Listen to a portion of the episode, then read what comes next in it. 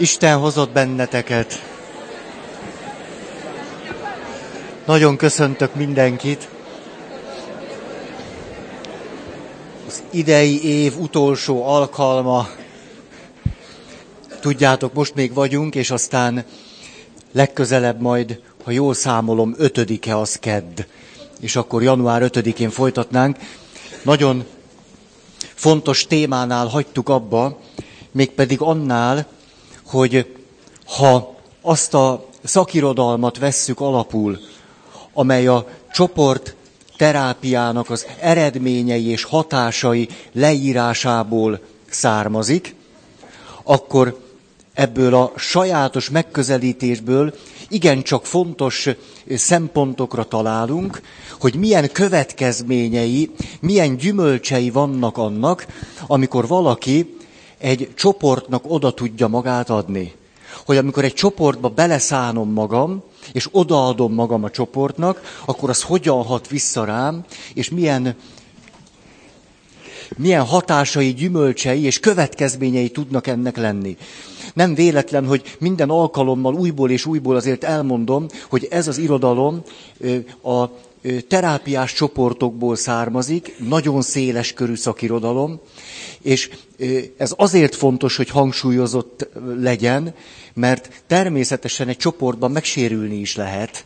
Természetesen beszélhetnénk nagyon negatív csoport tapasztalatokról is, akkor, hogyha abban a csoportban azok a föltételek nincsenek adva.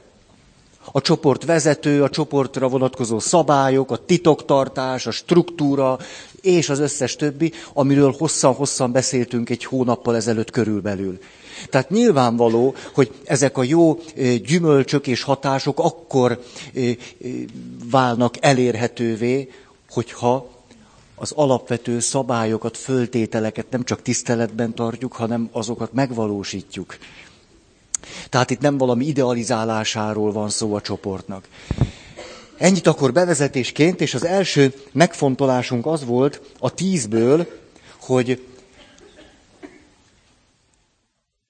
remény keltő az, ahogyan egy csoportban tapasztalatokhoz jutunk, hogy a csoport képes a reményünket, a saját reményünket megtalálni, azt megfogalmazni, tapasztalhatóvá tenni, és a többi.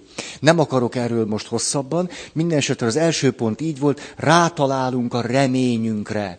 És ez a remény, hogyha valódi remény, akkor bennünket olyan mélyen alapoz meg, hogy egészen a személyiségnek az alap rétegéből fakad. Egészen onnan. És így különböztettük meg a reményt a vágytól, a reményt a bizalomtól. A... Első pont. Második, belefogtunk abba, hogy minden csoport gyönyörű szépen alkalmassá tesz bennünket arra, hogy az egyetemesség szempontja átélhető legyen. És erről beszéltünk hosszan, és aztán ö, szintén elég bőségesen arról, hogy ha következetes a gondolatunk, mi volt az alapgondolatunk? Hogy az életünknek van három dimenziója. Az egyedi, az együttes és az egyetemes. És hogyha ez a három dimenziója adott az életünknek, akkor arra jöhetünk rá, hogy nem csak azt mondhatjuk, hogy ez három dimenziója az életnek, hanem az énnek is éppen három dimenziója. Nem csak az emberi életnek, hanem annak, amit így fejezünk ki, hogy én. Hogy az énnek is van egyedi, individuális jellege, de ugyancsak az énnek, nem akárminek, nem csak az emberi életnek, vagy a sorsnak, vagy az életútnak, hanem az énnek van társas közösségi karaktere, és ráadásul az énnek van egyetemes jellegzetessége. Nem is egy, nem is kettő, hanem rengeteg. Az énnek, nem csak az életnek, vagy az emberi sorsnak, vagy az ember életútjának, hanem az énnek. Ez szerintem az egyik legizgalmasabb következtetésünk. Ez akkor azt jelenti, hogy amikor azt tapasztaljuk, hogy valakinek most ha az énről, mint egyedi és individuális jelleggel bíró sajátos emberi adottságról beszélünk, akkor azt mondhatjuk róla, hogy hát igen, ezen vívódok, hogy hogy fogalmazzam ezt meg jól, hogy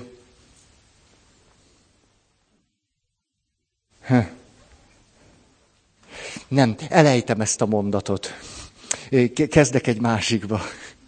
Hogy, hogy amikor látjuk, hogy az emberi életnek, de az énnek is megvan ez a három jellegzetessége, akkor azt tapasztalhatjuk, és erre hihetetlen módon rá lehet csodálkozni, hogy ugyanaz a kérdés a három különböző megközelítésben egészen más jellegűvé válik.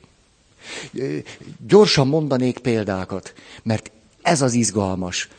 Vagyis, vegyük a halálnak a témáját, amibe bele ö, ö, kontárkodtunk már a múltkori, meg az azelőtti alkalommal is. Mi történik akkor, ha én, ha én leszűkítem a halál témáját egy kizárólag egyedi, individuális jegyekkel rendelkező én eseményére. Akkor ez az énnek a pusztulása, az énnek a megsemmisülése, annak a sajátos, egyedi, kizárólag egyedi jegyekkel rendelkező valakinek a vége. Legalábbis az érzéseink, a tapasztalatunk, a félelmeink, a szorongásaink, az aggodalmaink alapján. Ezért, ahogy Csíkszent Mihály Mihály mondja, ha kizárólag az egyedi jellemzőkkel rendelkező énbe túlságosan sok energiát fektetünk, és nem látjuk, hogy az énnek van másik két jellegzetessége és karaktere, akkor, ahogy a halál felé közeledünk, vagy egyáltalán, amikor a halál gondolata eszünkbe jut, ez rémisztő lesz, szorongást keltő, elviselhetetlen, és a többi. Mi történik akkor, hogyha azt mondjuk, hogy hát az énnek társas, közösségi, együttességekben megvalósuló jellegzetessége is van. Egyszer csak olyan utak nyílnak, amelyek nem léteznek akkor, ha magamat kizárólag, ha az én önmagát kizárólag valami egyediségként fogja föl. Mert akkor egyszer csak rájövök, hogy ó igen, ez a nagyon sajátos én a maga individualitásával, így, ahogy most van, így, ahogyan most van, ezzel a testtel nagyon sajátos összefüggésben, ezzel az aggyal, ezzel az idegrendszerrel, egyedi élettörténettel, biztos, hogy minimum gyökeresen meg fog változni, és át fog alakulni. Nagyon döbbenetesen. Ugye minimum ezt kell mondanunk. Na de, ha az énnek van társas karaktere, akkor egyszer csak azt mondom, ó igen, lehet, hogy ez a nagyon egyedi, ez tényleg vagy megsemmisül, vagy nagyon radikálisan átalakul, de akkor mindesetre valami átadható belőle.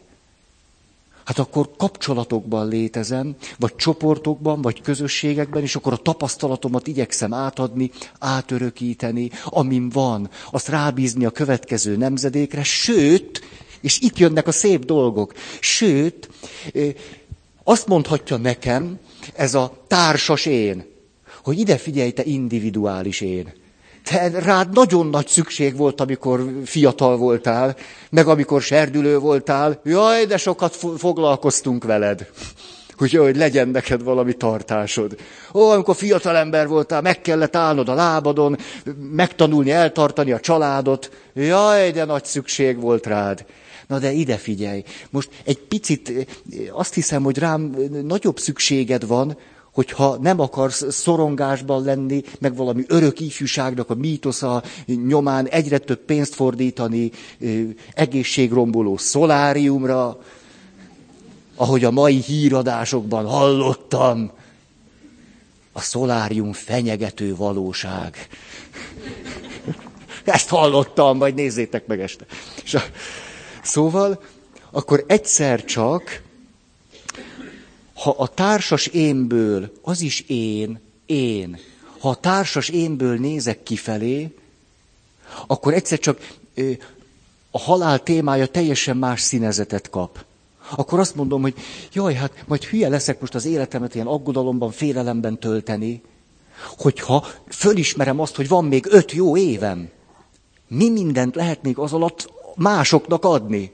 Egy individuális ént, főleg már idősödve, amikor a képességek csökkennek, öt év alatt már nem nagyon lehet nem tudom én hova emelni. Na de egy társas öt év alatt, ha-ha-ha, még megtanulhatok önzetlennek is lenni.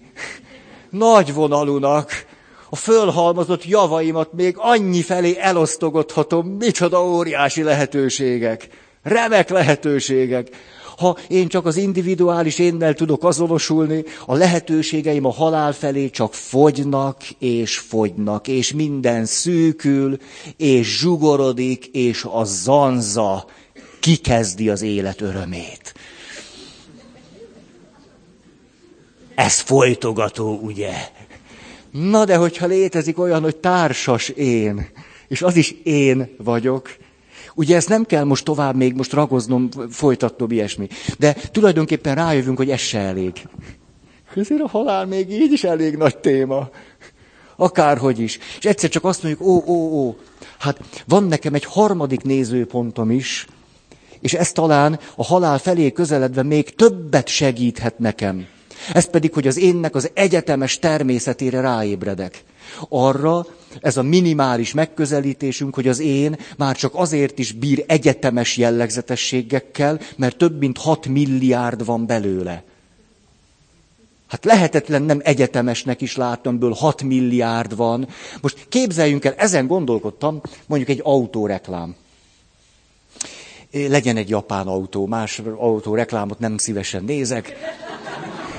Az embernek legyen jó ízlése, és ez, ez nem a törzsanyag része. Tehát itt nyugodtan ellent mondhattok egyébként is bármikor, de minden esetre én japán autó, hát nem is tudom a kifejezést, tehát mondjuk finoman kedvelő vagyok, és azon belül se Nissan. És nagy tiszteletem mondjuk a Subaru STI iránt, az nem STI, tehát hogy estére kelve, nem, tehát ez egy típusjelzés. Tehát nagyon, azért, azért a boxermotor az boxermotor. Tehát azért valljuk meg, ugye, mi férfiak legalábbis, valami szaporábban verít bent, mikor meghalljuk ezt a kifejezést, hogy boxermotor. Főleg, ha az egy Subaruban van. Ugye? Ugye? Na de, hogy rátéljek a Toyotára, tehát a... Képzeljünk el egy reklámot, valami ilyesmi szöveggel, hogy, hogy legyártottuk a 6 milliárd 127 millió 427 ezredik teljesen egyedi Toyotát. Teljesen egyedi. Kizárólag neked. Te, any, nincs két egyforma darab belőle. 6 milliárd 127 millió 400, egyet teljesen egyéni az egyik a másiktól kizárólag hihetetlenül megkülönböztethető jegyekkel bíró autó. Most mit mondanánk egy ilyen reklámra? Hát, hát hogy aki ezt kitalálta, megbolondult. Tehát már csak azért sem lehet teljesen egyedi, mert autó. Aztán mert Toyota.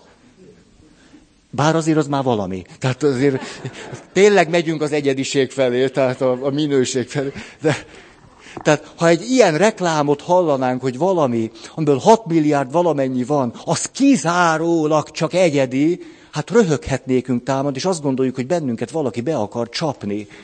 Hogy rútul át akar verni, hogy mi ezt megvegyük. Hát az, az énnel pontosan így vagyunk, ha ez egy hasonlat. Akkor pont így vagyunk vele. Ez is egy jó. Nagyon trükkös, ugye? Na, vagyis, hogy hát egészen szerintem, egészen, egészen kultúrvakságban leleckedőnek kell lennünk ahhoz, hogy magunkat kizárólag ezekkel az individuális jegyekkel írjuk le, és csak ebből a nézőpontból nézzünk, azért, mert az az én autóm, enyém autó, nekem autó, sajátom, enyém, nekem autó. Hát attól azért az még, hogy mondjam, hát némi hasonló vonásokkal rendelkezik minden más autóval. És ezt most tudom, hogy nevetséges, meg lehetetlen szinte, amit mondok. Nevettek, azt mondjátok, Feri, lépjél már tovább, hát értjük. Ha, ha, most hagyj, kacagjak én egy kicsit.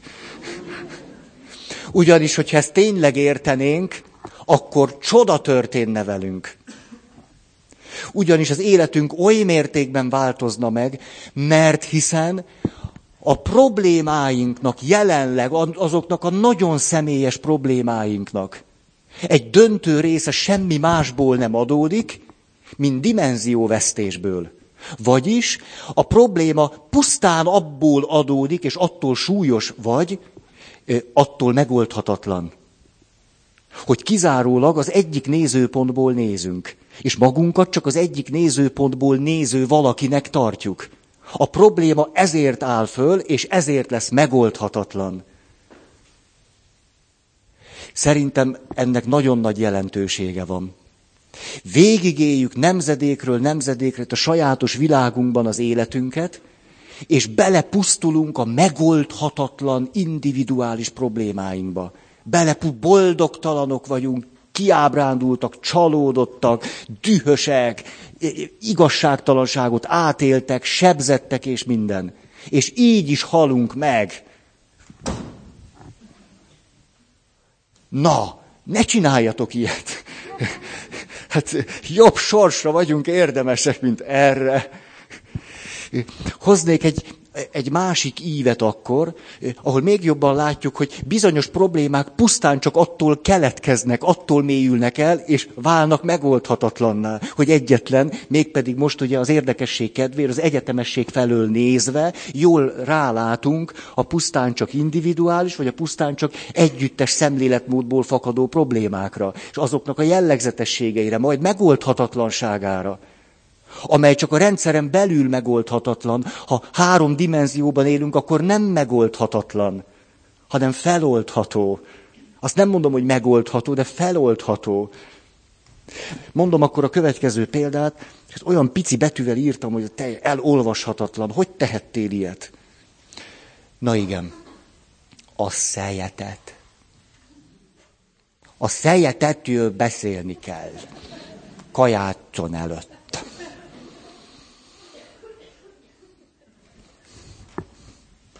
A szejetet, amennyiben csak ne, ne, bevezető néhány mondat. Hogy most kezdem hallani magamat kívülről, bár már elég régóta beszélek, de nem szeretném, ha félre értenétek. Ettől ti még olyan jó ízűen érthettek félre, ahogy nektek jól esik. Tehát csak mindent bele. De én minden esetre most mondanék én néhány bevezető gondolat, ez pedig az, hogy én nem vagyok individualizáció ellenes. Gyönyörű dolog az individualizáció. Gyönyörű. Erre a saját magamra ébredés, a személyességemen belül az egyediségemre, az egyetlenségemre, a, a megismételhet, hát ez olyan gyönyörű, hú, de gyönyörű, csak kevés. Csak ennyit mondok. Tehát amikor most sajátosan újból és újból kritikus megjegyzést teszek erre a nézőpontra, nem magára a nézőpontra teszek kritikus megjegyzést, hanem az, hogyha csak ez van. Ha csak innen nézek. És azt gondolom, csak innen lehet nézni. És topogok, és azt mondja, valaki oldja meg az életem problémáját, de úgy, hogy a másik két nézőpontból ne, ne kelljen néznem. Hogy ne kelljen tudomást venni, hogy az élet nem egy dimenziós, hanem három. És akkor rázom az öklöm, de össze jópofa, egy egydimenziós valaki nem tudja az öklét rázni. Legfeljebb simogatja így, a, nem tudom egy ilyen vonal, vonalba így simogat valamit, tehát még az öklödet se tudod rázni, tehát hiába rázod az öklödet egy elképzelt Isten felé. Haha, nevetséges, mert egy ilyen vonalba mozogsz így. Degenyó vagyok. Szóval, amennyiben a szeretet témájához hozzászólunk ebből a kizárólag individuális nézőpontból. Mely szempontok lesznek a legerősebbek? Szerintem most adnám a mikrofont, és mondanátok ilyen, ilyen kattyusa-szerűen, gondolkodás nélkül ezeket. De én majd mondom helyettetek. És a, majd egészítsétek ki. Honnan indulunk el szeretet? Szeressen engem valaki. Tehát ez a kiinduló pontunk. Meghallom ezt a szót, hogy szeretet. Hát ha én csak ebben az egyediségben áll... Ki? Hol? Hol? Ki, ki jelentkezett? Ki? Férnek valók, feleségnek valók, hát akkor még a gyerekem is az, hogy jaj, majd akkor szülök egy gyereket, lesz valaki, aki szeret. Ő legalább szeret majd. Még a, ér, most ebben nem is kezdek bele. Hát bele se kezdek ebbe. Hát egy gyereket azért világra hozni, egy gyereket, a saját utódomat, hogy az utódom szeressen engem. Ez nem, nem megrázó nektek? Hát ettől csak padlót fogni tudok, miközben hány ember életének ez a realitása. Na most, tehát hogy merül fel a szeretet? Szeressenek engem, ki szeret engem? Ebből rögtön jön az összes fájdalmunk.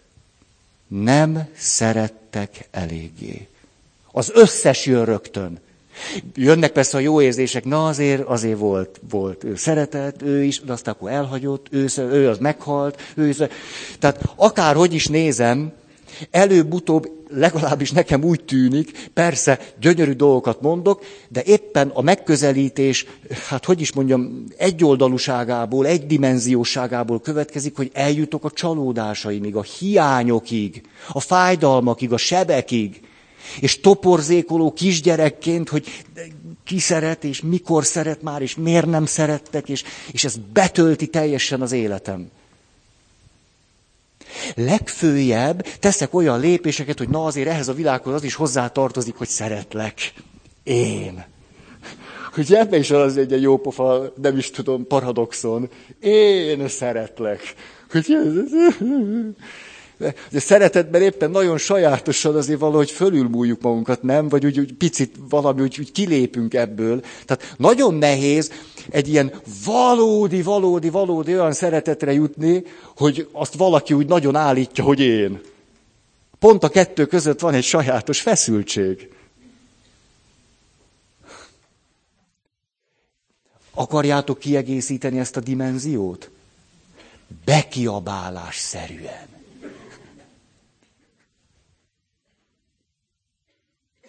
Az én és a szeretet, amennyiben azt egy individuum éli át.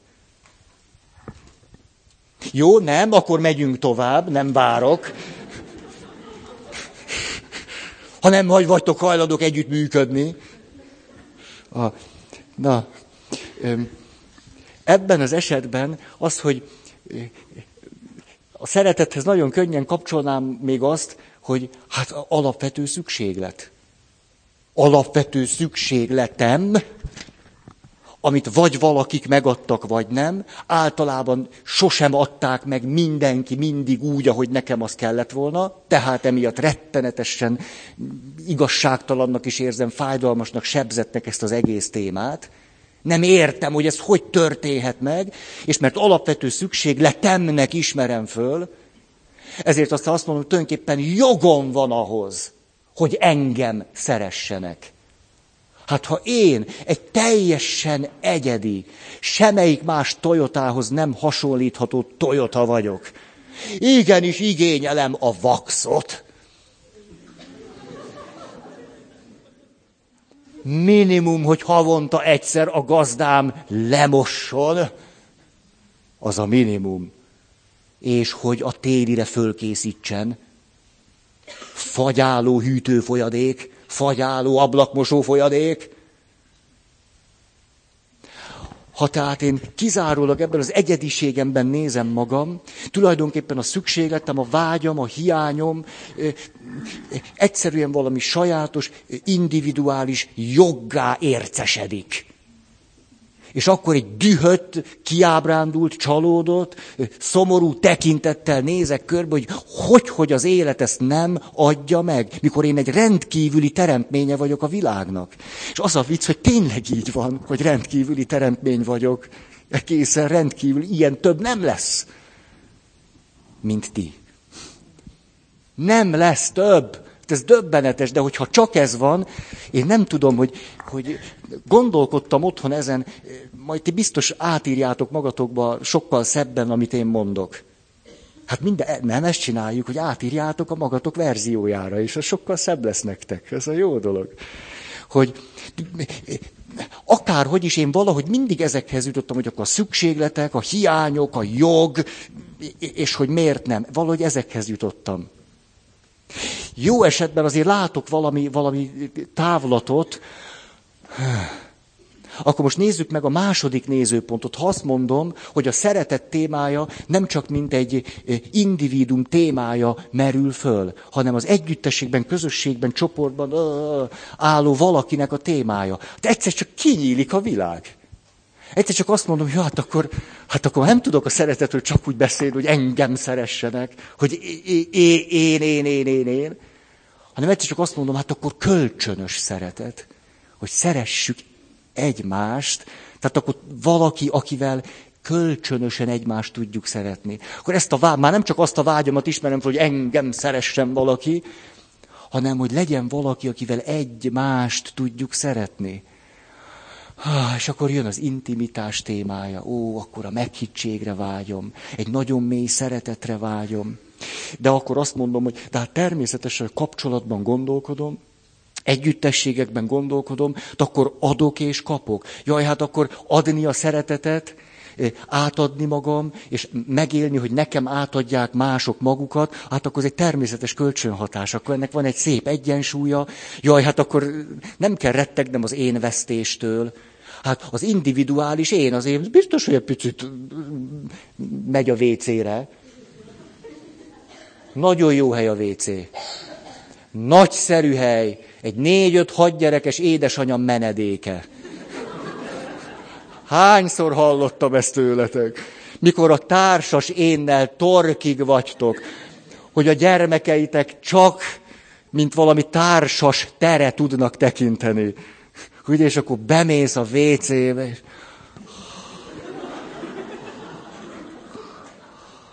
Én még sose láttam hat gyerekes anyukát a WC-n egyedül, de így tudom elképzelni. És, na jó, persze a gyerekeket se kell félteni. Ők is tudják, hol a WC. Szóval, na, szóval, szóval, szóval, mikor a szeretet témája, már ebben a, a társas önazonosság, társas, társas, együttes, közösségi, ebből a világból lép elő. Egyszer csak ténylegesen úgy látom, egy új dimenzió kerül hozzá a kérdéshez. Akkor egy csomó minden, ami az első megközelítésben már föloldhatatlan, elfogadhatatlan, elviselhetetlen, görcsössé tevő, és a, a, a jogaimat ütővágó valakivé tett engem, a második, második kupacban állva valahogy kezd megszűnni. Nem azért, mert hogy azt ott önmagában meg lehetett volna oldani. Szerintem nem is lehet. Ez benne a poén, hogy mehettek akárhány pszichológushoz 120 évig. Ezt gondolom, a legkomolyabb. És akkor megyek is. Ugye a 120 év, nem? Akkor már megy. Te jó ég, mennyit elvesztegettem. Szóval, most itt tényleg, hol, hol van még ebben egy, egy, még egy sajátos trükk?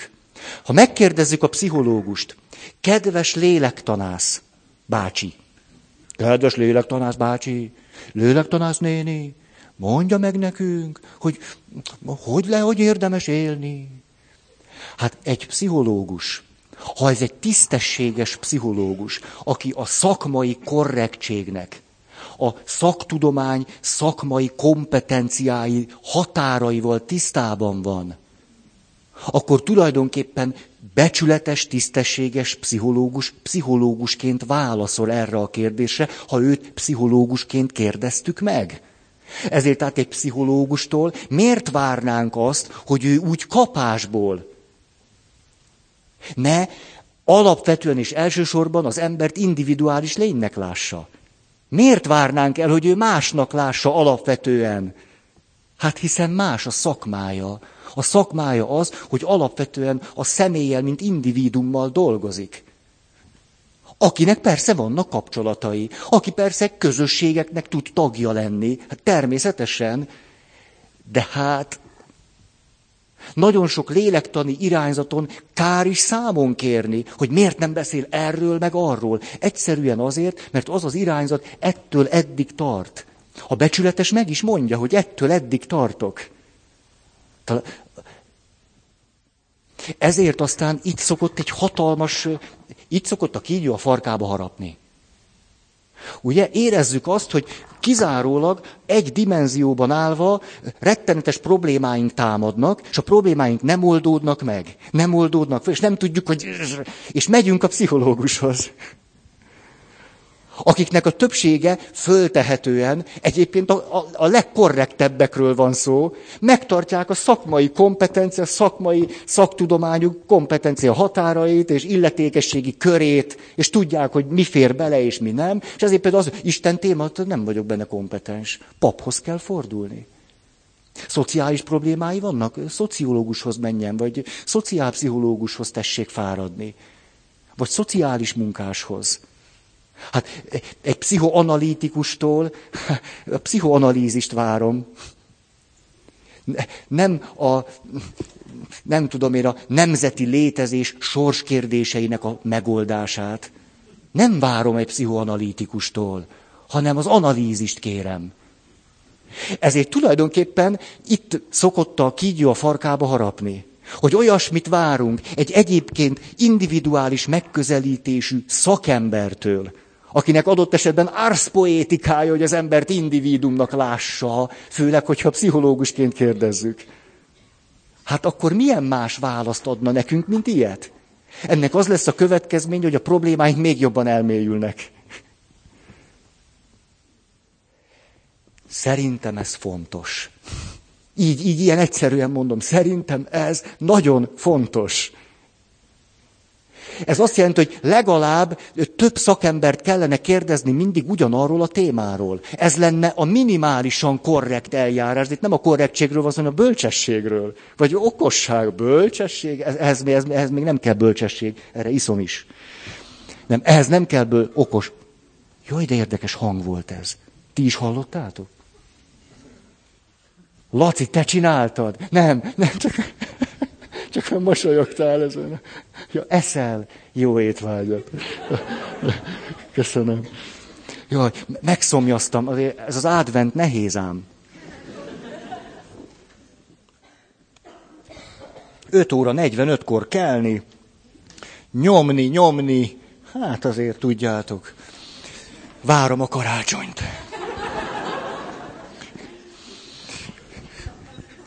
Szóval, most el is vesztettem a fonalat. Mi volt az utolsó mondatom? Segíjét. Ja, bölcsesség. Na, jó. Igen, köszönöm szépen. Most nem, az okosság bőven elég, tehát ne, ne, ne lőjünk túl a célon. Tehát mondjuk a szeretet kérdését akkor meg kellene vitatnunk a pszichológussal, és ő általában és többé-kevésbé, miközben tudom, hogy a lélektannak is többféle irányzata, iskolája, mindene van, most nem akarok ebbe elveszni. Egyébként a lélektan nagyon keresi is azt a többet, ami egyébként a jelenlegi illetékességi körén túl van. Ez nagyon izgalmas. Interpersonális pszichológia, transpersonális pszichológia. Transpersonális pszichológia. Halljátok a kifejezést? Halljuk, halljuk, csak nem értjük. De a...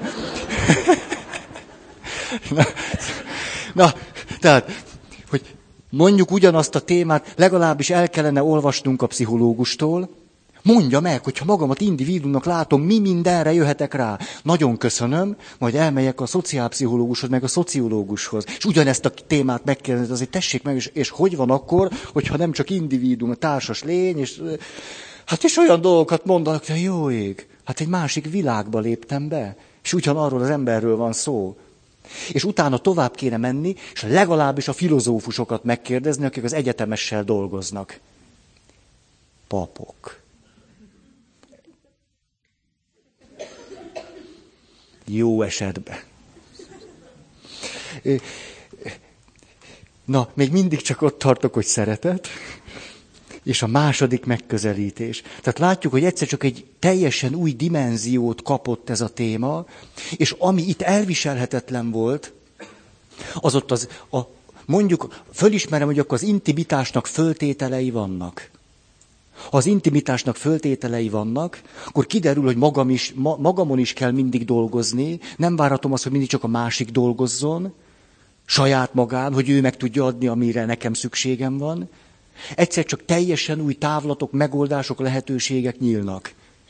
Egyszer csak már nem gondolom azt például, hogy engem nem szerettek eléggé, vagy megfelelő módon gyerekkoromban, és hogy most semmi más út ne állna rendelkezésemre, mint hogy hiány motiváltan ezt addig-addig betöltsem, míg nem telenem leszek, és utána jelentkezek az életre. Jó, most vagyok nullán, most kezdhetjük. Hát van, aki, most nagyon, hú, de fájni fog, amit mondok. Van, aki annyira megsebződik, hogy sose éri el a nullát. Mínuszban éli az életét, amennyiben az az ő individuális szükségletei, hiányai és egyéb megközelítésből fakad. Mínuszban. Van ilyen. Hát meg lehet úgy sérülni, Hát halálos sebeket tudunk kapni. Hát hogy ne élhetnénk azt át, hogy hát ettől tudunk oly rettenetesen szenvedni, hogy vannak, akik szeretnek minket, és nem elég. Van ilyen élményetek? Hogy azért, azért nem igaz, hogy nem volt, azért a Peti szeretett. Hát a maga módján biztos, de hogy, hogy legalábbis nagyon őszintén csinált. Látszott, hogy akarta. Vagy hogy ő és ő, és hogy hogyha mindent megkapunk, az se elég. Tudunk úgy sebződni, olyan hiányokkal lenni, hogyha folyamatosan töltenének bennünket, az is átfolyna rajtunk. Erről esett szó bőven, bőven, bőven. Ezért, ha nem tágítjuk ki, és nem mondjuk azt, hogy akkor is lehet növekedni, ha a hiányaim nem töltődnek be. Akkor is lehet szeretni, ha engem mások nem szerettek megfelelően. Hogy akkor is tehetek érted valamit, hogyha én értem, akkor, mikor nekem szükségem lett volna, ő és ő és ő nem tett. Attól én most még tehetek érted. Ez a második világban egészen világossá tud válni. És, és olyasmire, hűha, tudjátok meg, hogy például Teréz anya akivel kapcsolatban azt mondtam még néhány évvel ezelőtt, hogy úgy az a, azt érzékeltem, mondjuk ö, ö, lélektani megközelítésből, hogy kiégett, hogy kiégett. Tehát ha mentál higiénés szakemberként Terézanya leült volna velem szembe, és elmondja, hogy, hogy mit érez, és hogy érzi magát, akkor azt mondja, hogy kedves Terézanya, te kiégtél. Ezt mondtam volna. Hát mondtam volna, de nem tudom, hogy mondtam. Mit tudom én, hogy mondtam volna? Nem tudom, hogy mondtam volna, de gondolni gondoltam volna. Olvassátok el Teréz anyának a levelezését. Jó vastag könyv. Hogy is mondjam? Azért nem beszéltem még erről, mert olyan katasztrofális, hogy rosszul, hogy mondjam, nem, nem bírtam olvasni. Tehát én 50 oldalakat olvastam, és leraktam negyed évre, mert nem, nem elviselhetetlen. Tehát ha most lélektani szempontból Teréz anyát, mint individumot közelítem meg, és az ő élet történetét nézem, egy olyan sebzett valaki, hogy, hogy nem szerettem olvasni a történetét. Nem, egyszerűen fáj nekem, és akkor... Aj, fájna. Nem tudok el, olvassátok el, hogy hogyan, hogyan, most így mondom nagyon egyszerűen, hogy hogyan tartotta magát senkinek, semminek. Hogy hogyan látta ő saját magát, mint terészt. Rettenetesen látta magát. Semmibe vette magát. Így látta magát. Azt mondta, jaj, hagyjunk engem. Hát nekem az úgy fáj, hogy ezt el se tudom mondani. Ezzel együtt az volt a zsenialitása, ha szabad nekem erről egyáltalán két mondatot mondani. Hát ki vagyok én? Örülök, hogyha majd beengednek oda, ahol ő van. És, dehogy, de, vesző, hogy ő valami, hát ennek volt a, a spirituális zsenie, hogy lehet, hogy én nem kaptam meg, de én adok. Lehet, hogy engem nem szerettek úgy, de ezzel nem akadályoz meg, hogy én szeressek. Teréz anya szabad így mondani, ahogyan a levelezéséből látjuk, annak az individuumnak, individuális énnek, inkább így mondanám, a gyógyításába szinte bele se kezdett. Nem foglalkozott vele. Azt mondta, hagyjuk ezt, beszéljünk Jézusról. Tényleg ezt csinálta. Tehát, mikor úgy, úgy ő, őt kérdezték, hogy na, van, van egy részlet ebben a könyvben, nem én találtam ki, ott van a részlet a könyvben, hogy írja a, az újságíró, aki ott kíséri Teréz anyát, és hát persze jönnek mindig ilyen riporter, meg olyan, és hát persze a ma világában a ma riporterét és a ma olvasóját nyilván az individuum is izgatja, ha nem egyáltalán az. Ki maga Teréz anya? És akkor azt mondja, hogy hallgatom a, a riporter kérdését, mondja a másik, hát az író, vagy riporter, vagy nem tudom ki, és azt mondja, már is tudjuk, hogy harmadik mondat után már Jézusról fog beszélni. Mert mikor arról a valakiről kérdezik, arról a sebzett énről kérdezik, akkor a második mondat után neki az annyira fáj, hogy azt mondja, hogy Jézus, Jézus, gyere, inkább beszéljünk rólad. Ezért, hát ezt elmondtam, most nem ragozom már. Ha, aki nem hiszi, járjon utána. Olvassátok el, és akkor látjátok, hogy miről beszéltem. Én ezt a mikor kiderült, hogy olvasható a levelezése, könnyen hozzáférhető, síts úgy, azt gondoltam, micsoda remek, fú, ez zseniál, ez föl kell dolgozni. És hogy olvastam, olvastam, egyrészt nem, bí, nem bírtam elolvasni egyben, másrészt rájöttem, hogy nem tudok vele mit kezdeni. Abból a szempontból, hogy Teréz anya, mint individuum, aki magát így látná, és hogy, hogy mi történt ő vele, mint valakivel, aki ezt az ént így mondja ki, hogy én, mint egyedi. Azért, mert nem mondja így ki. Tehát amikor kimondja, az, az olyan fájdalmas, hogy nem véletlenül rögtön utána mondja, hogy Jézus, Jézus, Jézus.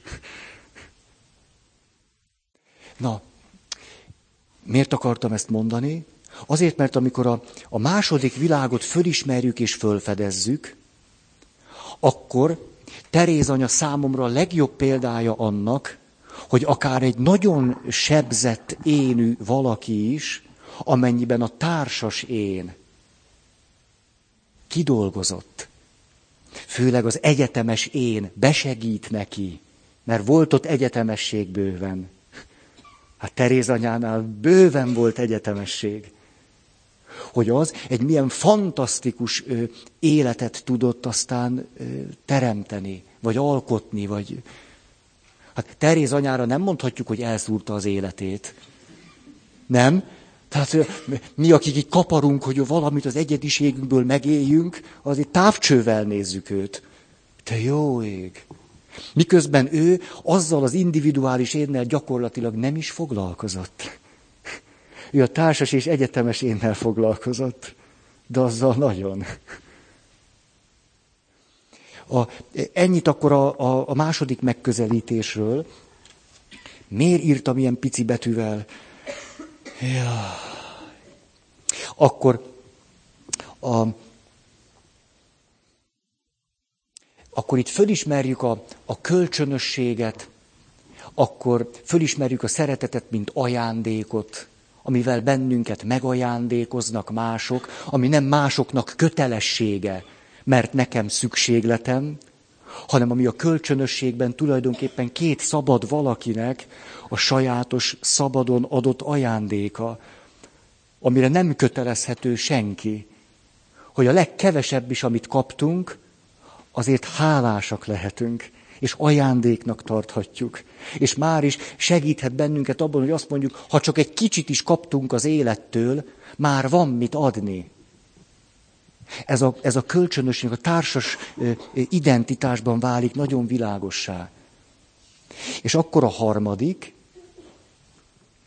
a harmadik, amikor az énemet, mint valami egyetemes valóságot látom, vagy egy egyetemes valóság, bennem élő egyetemes valóságból nézek kifelé, de amit még így mondok, hogy én, én, mint egy egyetemes létező, hát így például rácsodálkozom mondjuk a szeretett nyelvekre. Mert ha csak ez a második világ van, akkor azt mondom, nekem a, a testi érintés a szeretett nyelvem. Kérem, kérem, kérem. És ha nem kapom, akkor... És nem is értem, hogy miért nem szeretnek. Közben szeretnek, csak nem ezen a nyelven. Mert mondjuk megdicsértek, de az nekem nem számít. Hogy a szavak elszállnak, adtál volna két puszit. A másik meg pont fordítva. Jaj, hagyjál már! Dicsértél volna meg? Hogyha az egyetemességből nézek kifelé, akkor rájövök, jaj, hát a szeretetnek is milyen sok formája van. Jé, nem csak olyan formája van, amit én tudok, amit te tudsz, amit én nem tudok, és amit te nem tudsz, hanem van második, harmadik, negyedik, ötödik formája. Jé, a szeretetnek milyen sok nyelve van, jé, a szeretet milyen sok megnyilatkozik, jé, és akkor egyszer csak megint, megint egy újabb dimenzió nyílik meg előttem. Ami addig, ha csak a második dimenzióban voltam, egyszerűen mindig az elakadásnak a témájává lett, hogy azt mondjuk, hogy ha azt mondod, hogy szeretsz, akkor, akkor miért nem csinálod? És már, de hát csinálom, de nem csinálod, de, de nem csinálod.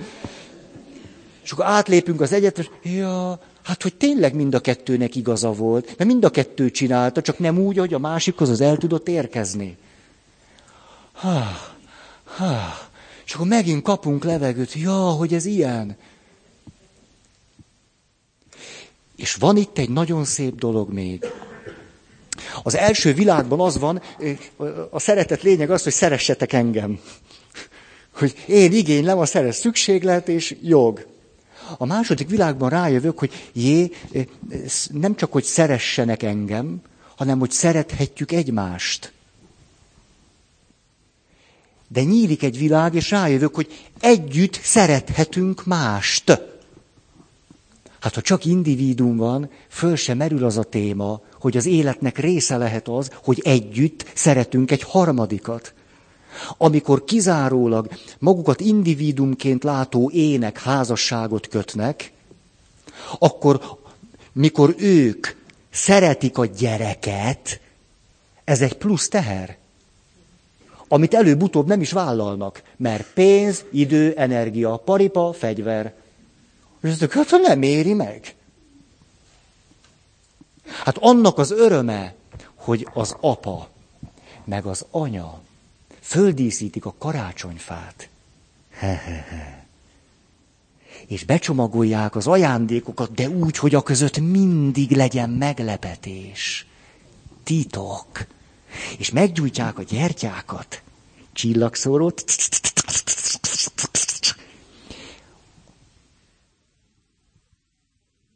Kis harang, csengettyű szó, félhomály, és jön be a gyerek, hát ez kinek földön túli öröm?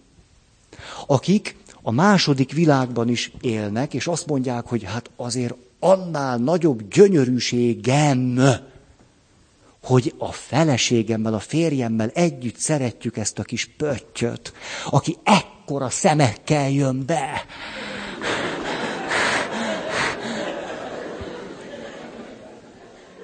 Hát, és abból a látványból, ahogy egy gyerek várja a karácsonyt, és aztán örül a karácsonynak, és aztán beiglitől ittassan fetreng a karácsonytól, beiglitől elnehezült testtel, szaloncukortól megpusztítottan.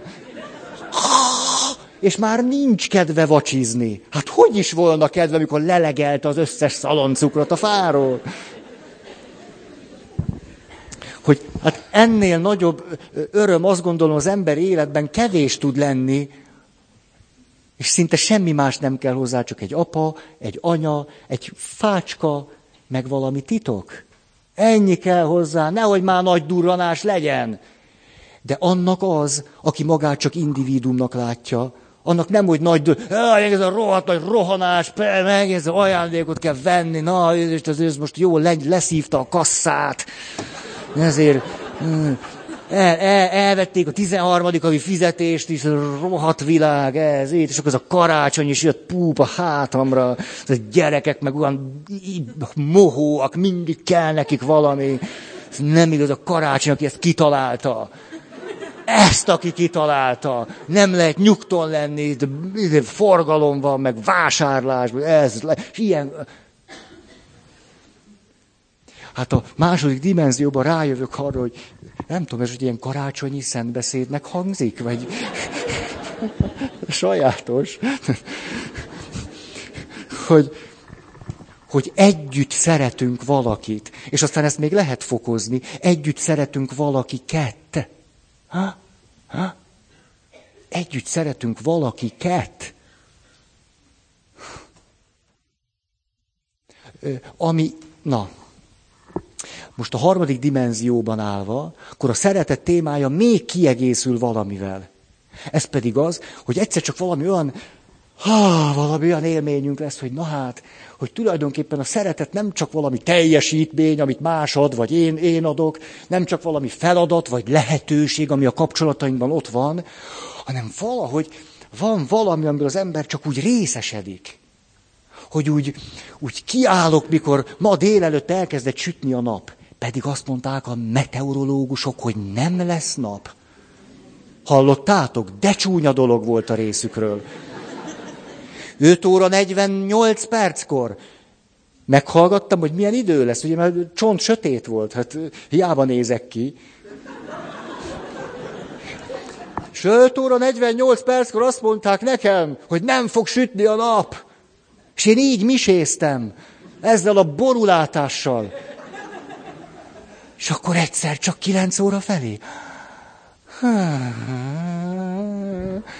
Ugye voltatok egy picit kín, vagy legalább néztetek kifelé gyermeki tekintette nap. Ah, meglepetés nap. Mert ez az volt, meglepetés nap. Ah, ez volt. Ezt csak azért akarom mondani, a harmadik kupaszban egyszer csak, már nem csak azt látjuk, hogy, hogy megajándékoznak és megajándékozunk, hogy, hogy a szeretet nem csak mint jog, meg szükséglet, meg kötelesség, meg hiány, hanem mint lehetőség, mint alkalom, mint ajándék, hanem egyszerűen a szeretet, mint ami az ember csak úgy részesedik. Csak úgy, úgy ami az emberrel csak úgy meg tud történni hogy csak úgy, úgy egyszer csak ülök a misén, és úgy valami melegít jön nekem. Nem csináltam érte semmit, nem szerettem érte Jézust, hanem csak így ülök. És az meg csak úgy jön befele. Ez, ez az élmény csak megvan. Egy picit. Jaj, jaj, jó, ezt jó. jó. Szóval a harmadik, a harmadik dimenzióban valami még, még, még, még. És sokszor, sokszor az első két dimenziónk lehet rettenetesen sebzett, és hiányos, és bénázhatunk egy életen keresztül. Megsejtettünk valamit a harmadikból. Ja! Megvan ez a sóhajtás nektek? Ugye megvan. Ez tényleg egy olyan gyönyörű dolog. Egyszer egy tanultam, egy ilyen workshopon voltam, és vittem egy kliensnek az élettörténetét. Én játszottam a klienst. És a pszichiáter, pszichoterapeuta volt a segítő. De én átélhettem, hogy milyen a kliensnek. Ugye tudjátok, hát az a minimum szakmai elvárás, hogy, hogy szupervízióra kell járni, és segítséget kérni ahhoz, hogy tudjak jól segíteni. És akkor belebújtam a, a, annak a, a bőrébe, akinek próbálok segíteni, vagy próbáltam segíteni, és, és mondom, és mondom, és akkor ez a pszichiáter, terapeuta mondott nekem két mondatot, és így, és így fölsóhajtottam egy nagyot, és megállt a terapeuta, és azt mondja, na ilyenkor szokott valami történni, amikor fölsóhajtunk. Lélegzet, az úgy átjár. Na, és tulajdonképpen ez még mindig a bevezető. Már a mai alkalomnak a bevezetőjénél tartok.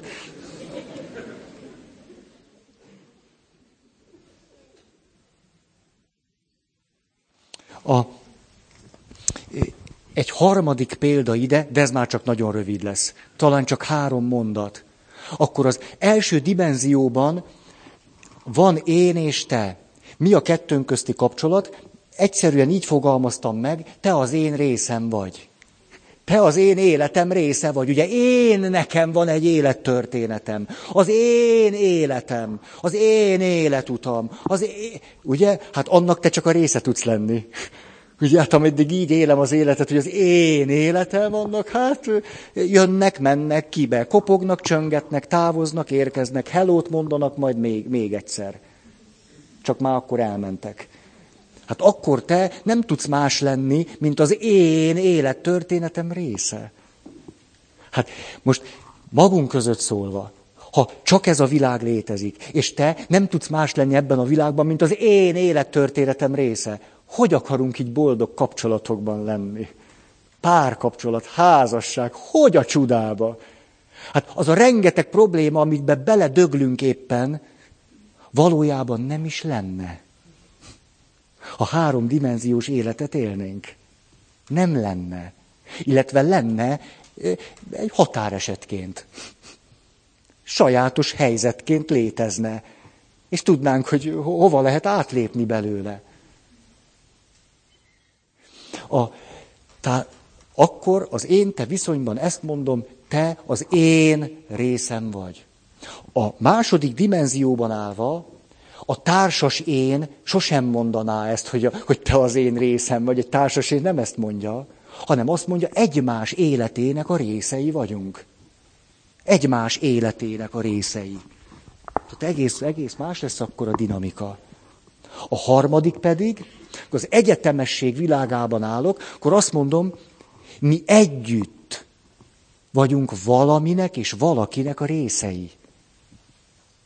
Nem csak én, hanem mi együtt, és ha mibe akárkik benne lehetnek, a feleségem, a családom, a, a, a, a, a, a nemzetem, Európa, hogy mi valaminek, és hogyha beleteszünk valami személyes spiritualitást, valakinek a részei vagyunk.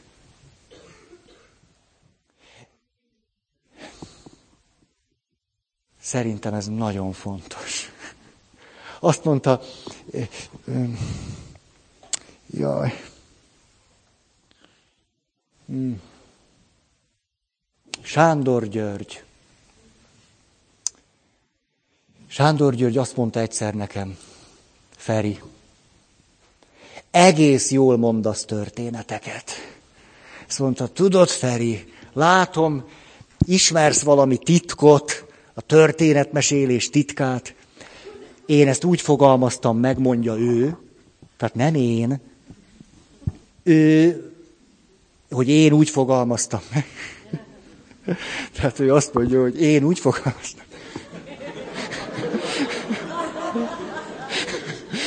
Ez a gáz, nem ebből hogy jövünk ki? Tehát úgy fogalmazta meg, ő, de tényleg ez nem le, ugye milyen izgalmas ez? Na, lehet, hogy nekem izgalmas, nektek már bőven unalmas, de hogy, hogy egy történetet etetni kell. A történetek élnek. A történetet etetjük és hízlaljuk. A történetet tápláljuk és növesztjük. Míg nem, el, nem éri a felnőtt nagykorúságot élete teljességét, és akkor mondjuk el. Másfelől pedig, ahogy mondjuk és mondjuk, a történet növelődik, hízlalódik, kerekedik és gazdagodik. Még nem a legszebb formáját el nem nyeri. Ó, de szép ez. Ó, ezt ő tudja. És a, öm, miért akartam ezt mondani? Mert mikor szeptemberben elkezdtük, emlékszem, itt álltam, szeptember 16-án, ugye úgy volt, 16-a volt, azt hiszem, ked? Tessék, 15. 15, egy napot tévedtem. Nagyon köszönöm. Tehát, szeptember 15-én itt álltam, és elmondtam nektek, hogy figyú, néhány héttel ezelőtt, egy hónappal ezelőtt egy nagy komphajón mentem Helsinkiből Tallinnba, és rájöttem valamire. Egyediség, együttesség, egyetemesség. És azóta eltelt három hónap, és ez a téma hogy kezd kibomlani? Micsoda tök jó dolgok vannak benne. Ugye?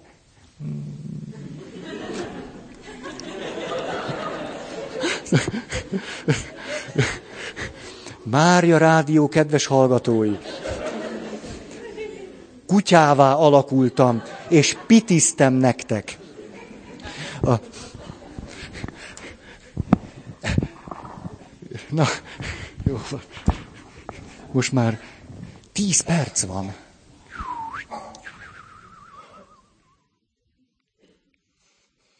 Hmm. A, akkor nézzük ugyanennek a, a, a témának az egyetemesség felől, jól látjuk az egyediségnek és az együttességnek a, a határait, az elégtelenségét az emberi élet szempontjából. Azt onnan látjuk nagyon jól. Belülről meg csak rosszul érezzük magunkat.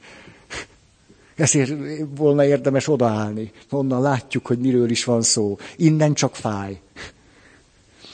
A, azt mondta egy nagyon neves teológus. Annyira neves, hogy a neve nem jut eszembe. De ez a jó szó rá, hogy neves. Azt mondja, hogy a ma embere számára a keresztény üzenetnek a lényege szinte átadhatatlan. Ezt nem egy kritikus ateista mondta, maga a neves teológus és gondolhatunk itt fontos nevekre. Mindenki a legkedvesebb teológusát gondolja oda. Hm. Azt mondta, a kereszténység erőtlensége a ma embere számára döbbenetes módon mutatkozik meg abban, hogy nem tudnak mit kezdeni azzal, hogy 2000 évvel ezelőtt valaki meghalt a kereszten, és nekik ehhez mi közük.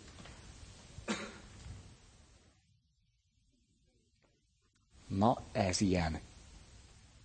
És olyan lényeglátó, ihaj-csuhaj. Mi is volt múltkor az a jó kifejezésünk? Döfi! Ajjaj. Tehát, ez nem jó kifejezés ide. Tehát, maradjunk az ihaj-csuhajnál. Miért van ez? Mert így van. Pontosan így van. Ameddig valakit úgy valahogy egy mély sóhajtásban el nem kap valami, valami mély tapasztalat, hogy hát hiszen nekem ehhez valami közöm van. Addig ténylegesen úgy van, ahogy a neves teológus mondja, mert a ma embere leginkább önmagát, mint individumot látja, értelmezi, abból néz kifelé, hát ebből a világból nem sok közöm van valakihez, aki 2000 évvel ezelőtt meghal a kereszten. Mi közünk egymáshoz? Legfőjebb az életem része lehet ő is. Az én életem része. Legfőjebb. És azon túl más nem. Ezért aztán Jézusnak az alakja, egyáltalán az, amit az egyház 2000 év óta kikristályosítva mond arról, hogy mi, ki ő, egy olyan ember számára, aki magát csak ebben a dimenzióban értelmezi, tulajdonképpen értelmezhetetlen is. Vagy pedig semmit mondó. Pontosan így van. És erre hadd hozzak egy saját példát, amikor ezt mélyen megértettem. Voltam körülbelül 19 éves, És utaztam a vonaton. Egy nemzetközi versenyre vonatoztunk, és e, ugye voltak ezek a boxok, vagy micsodák, nem is tudom, hogy hát nem tudom, szóval ilyen fakkok, vagy mik, mindegy, nem tudom, ültünk ott, és ugye voltam 19 éves, ez nagyjából az a korszak, amikor életem első szerelmének az édesanyja azt mondja, hogy Feri, neked népművelőnek kéne menni, mert nem bírod abba hagyni a szövegelést. És ülök ott, a 19 éves ember összes, ugye már, már nagyon tudom, és magyarázok a többieknek. Ugye ez, hát 19, én 85-ben voltam 19 éves, tehát azért ez még diktatúra volt.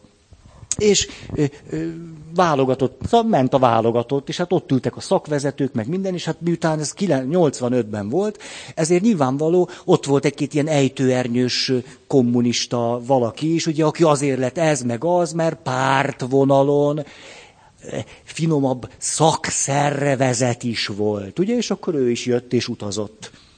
És a, hát ez így, ezt tudjuk, hogy így ment. Jó. És a, na és mi történik? Ilyen iszonyú hévvel magyarázok, hogy, és hallottátok? Ugye hát, na, hallo, csak, szóval, hát adogattuk egymásnak a szamizdatot. Jártunk URH, kontrollcsoport, Európa kiadó, bizottság, neurotik vágtázó halott kémek. Tehát éltük a fiatalságunkat. És legalábbis én így. És mondom, ott ül a társaság, és teljesen belehevültem, és mondom neki, hallottátok, hogy Prágában egy diák lelocsolta magát benzinnel, és fölgyújtotta magát a Vencel téren. Hallottátok? Emlékeztek erre? Ugye azért akkor ez már ugye hírként megjelent, azért akkor már úgy átjött sok minden, meg főleg, hogy ugye vaskapun belül volt. És akkor én teljesen ilyen kihevült, nagy, így mondom meg, hogy értitek ennek a jelentését? Hogy Prágában ez a diák, hogy, hogy persze ez rettenetes, de hogy ez értitek? Értitek, hogy dolgok nem mehetnek már úgy, ha Prágában egy diák lelocsolja magát, és képes ezt megtenni, és teljesen fölhevülten nyomom, ugye 85-ben. És erre a következő ilyen izéből, boxból, vagy honnan, jött ez az ejtőernyős szakszervezet is, bácsi. Mit volt 50 éves, és olyan dühös volt, azt el nem lehet mondani. Emlékszem arra, hogy bejött, így, így föltépte így az agy, és valami olyan, olyan szöveget mondott, hogy, hogy ennek semmi értelme nincs. Micsoda marhaságokat beszélsz te itt. Mi közünk nekünk egy prágai egyetemistához? Ha-ha. És akkor én 19 évesen értettem meg valamit hihetetlen mélyen abból, amit most elmondtam. Hogy én nekem közöm volt a 19 éves prágai egyetemistához. Neki meg nem. Azt gondolom, neki is köze van hozzá, csak ő abból az alapállásból nem látta az életet. Abból az alapállásból ő nézi az életet, a prágai diák, mikor lelocsolja magát benzinnel, és fölgyújtja magát a Venceltéren, semmi közöm hozzá, és azt mondja, csoda marha, hát van egy szál életünk, ha nem locsolom le benzinnel. De mikor átállok, és az életet nézem a társas vonatkozásában, főleg pedig az egyetemesben, Hát egyszer csak, 19 évesen egész nyilvánvaló, hogy közöm van egy 19 éves prágai egyetemistához, meg a kínai, eh, ahhoz a kínai, na, így van, tudjátok, tudjátok, ott áll a, a tank előtt. Hát nincs köze, ugye, hogy van közünk hozzá. Állítólag a tank végigment rajta. Úgy olvastam, hogy a tank végigment rajta. Hát ez a Kína. Most maraságot fogok mondani. Na, eddig is, de mindegy. A... Én bolykottáltam az olimpiai megnyitót. Legkomolyabban. Mikor kiderült, ugye vettek ezek a politikai, hogy ki, ki jön el, és ki nem jön el, és aztán mindenki ott volt. Egy diktatúra. Azért, mert piacgazdaság, attól még az. És katolikus papok vannak börtönben. Semmiért. Akkor az diktatúra. Mondhat akárki akármit, és akármilyen olcsó lehet a csillagszóró, ami onnan jön. Ezért aztán ő, ön nem néztem meg a megnyitót. Csendes tiltakozásból. Én nekem aztán csinálhatnak akármit. Én nem megyek el. A sport az más, az érdekel. De a szemfényvesztést vigyék másnak, mutassák másnak, kutyát se érdekel. Komolyan így. Mindegy, kevés, kevés. De milyen szép lett volna, képzeljétek el, hogy megcsinálják a csili megnyitót, és mindenki kikapcsolja a tévét. Na ez lett volna valami. Ez. Nem az, hogy az emberi jogok, aztán ott néztük, hogy jaj, mit tudnak a kínaiak. Ha most valaki azt mondja, hogy most a kínaiak ellen beszéltem, egy diktatúráról beszéltem. Utálatos. Mi vége van, ezt jelzed? Vagy ez is ki... Egyébként ténylegesen engem megráz, hogy, hogy, hogy na jó, most nem, nem, kezdek, ez, nem kezdek bele, de, de na, na, nem kezdek bele. Voltam Bécsben, és olyan szép volt, ott tibetiek énekeltek. Gyönyörű szép volt. És az egész, tulajdonképpen az volt az érdekes benne, ott a ö, Szent István dóm, és ugye, tehát olyan igazán nagy tér nincsen, de azért vannak olyan kis helyek, és ahol ott szoktak, ugye nyár volt, és ott körülbelül táncolt mondjuk 8-10 tibeti, és, de gyönyörű szép volt. És úgy facsarodott a szívem, hogy, hogy az egész tulajdonképpen ma mondjuk egy nyugat-európai világváros, főváros, fő utcáján egy ilyen, egy ilyen intermezzo. Ennyi. Miért akartam ezt elmondani? Azért, hogy egy ö, személyes tapasztalattal akartam megvilágítani ezt a rettenetes nagy problémát, hogy mondjuk Krisztusnak a születése, mert akkor ugyanott vagyunk, mi közöm nekem ahhoz, hogy 2000 évvel ezelőtt egy pici baba fölsírt Betlehembe. Mi közöm hozzá? Ha az első világban állok, alig valami. Ha a másodikban, ha-ha. Ha a harmadikban, akkor nagyon sok. Hm. Szerintem most kell abba hagyni.